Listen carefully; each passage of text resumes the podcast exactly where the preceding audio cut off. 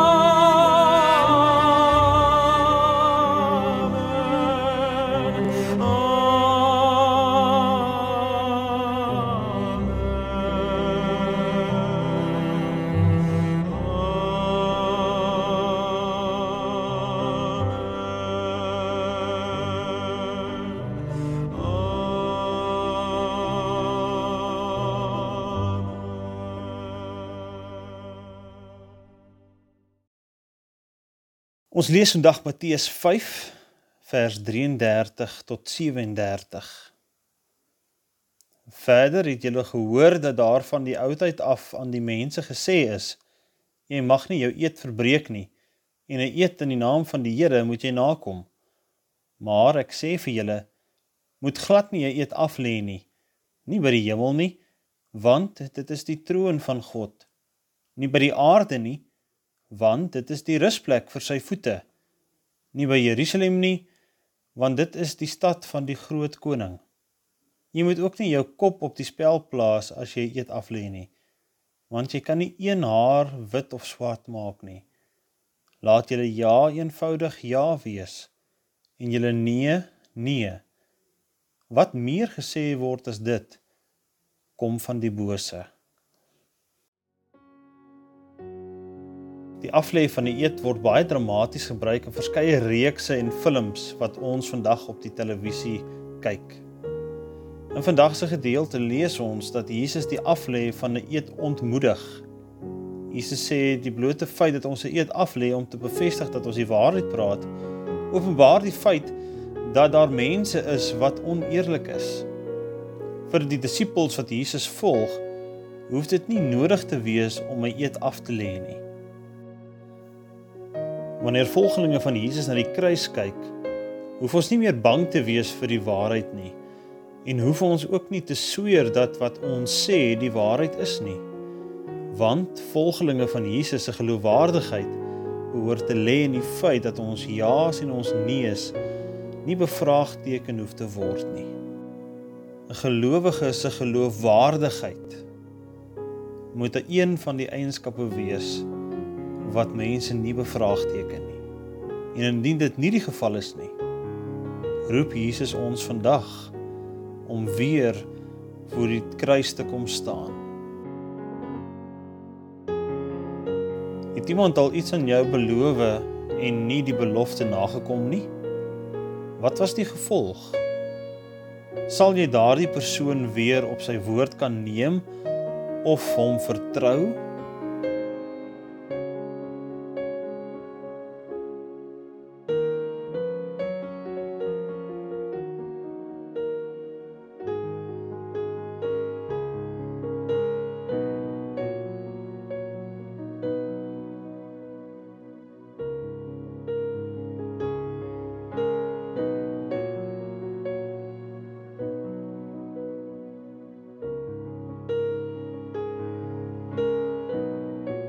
Waar het jy dalk in jou verlede 'n belofte verbreek of iemand seer gemaak deur nie na te kom wat jy beloof het nie? En hoe het dit jou verhouding met daardie persoon beïnvloed?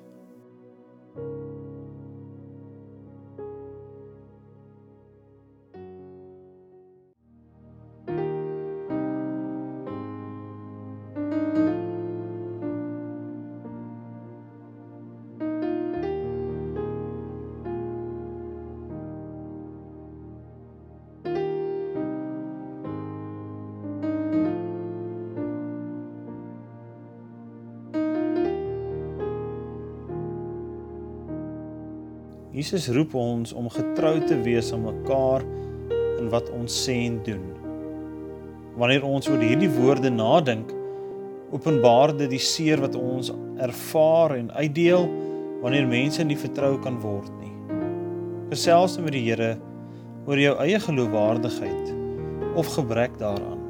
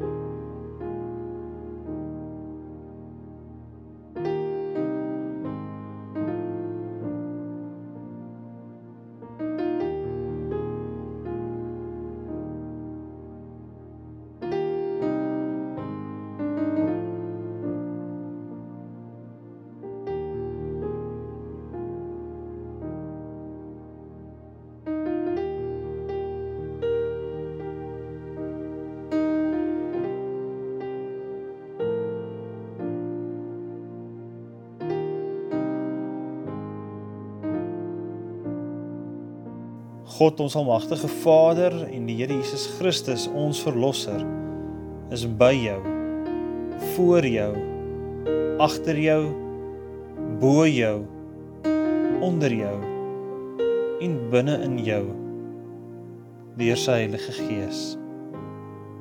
Amen.